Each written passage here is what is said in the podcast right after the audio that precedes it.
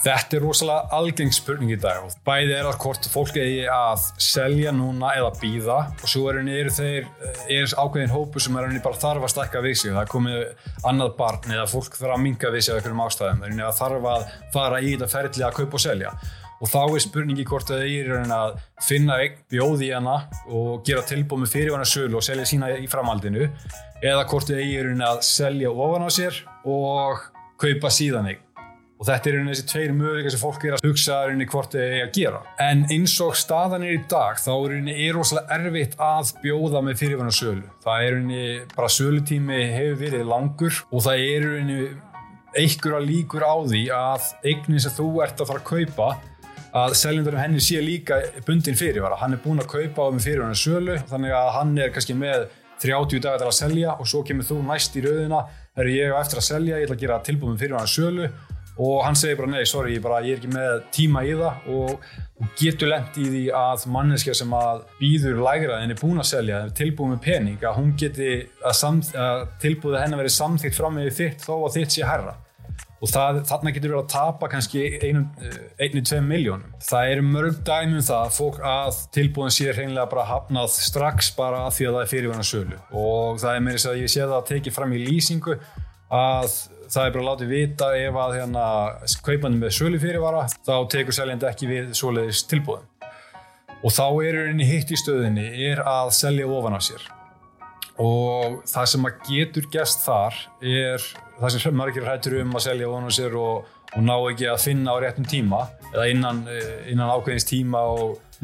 vera heimilislaust, það er svona, þú veist, það er áhyggjöfnið en þá er einni spilar inn í sko hverju ert að leita að? Ef að þú ert að leita þig sem að er mjög þú veist, mjög þraung leitaskilir það þarf að vera bara rathús í þessum, hérna þessari götu og þarf að vera svona mjög herbyggi og með rosalega þraung leitaskiliði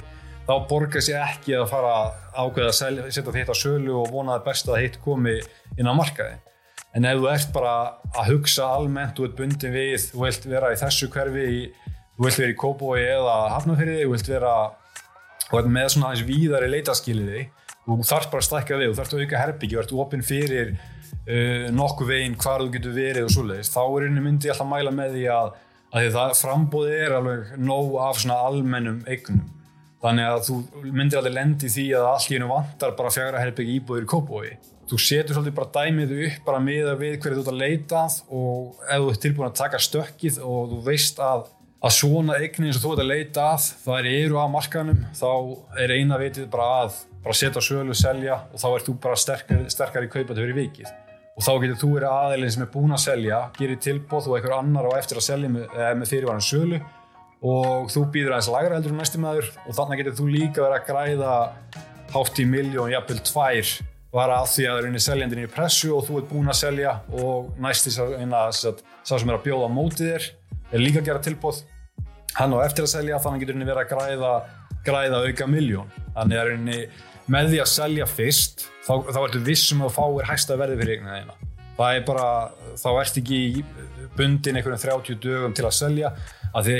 eins og staðinir í dag á markanum ef þú ætlar að selja og þart að gera það á okkur um x tíma og þarft að velleggja hana þannig að verðið sé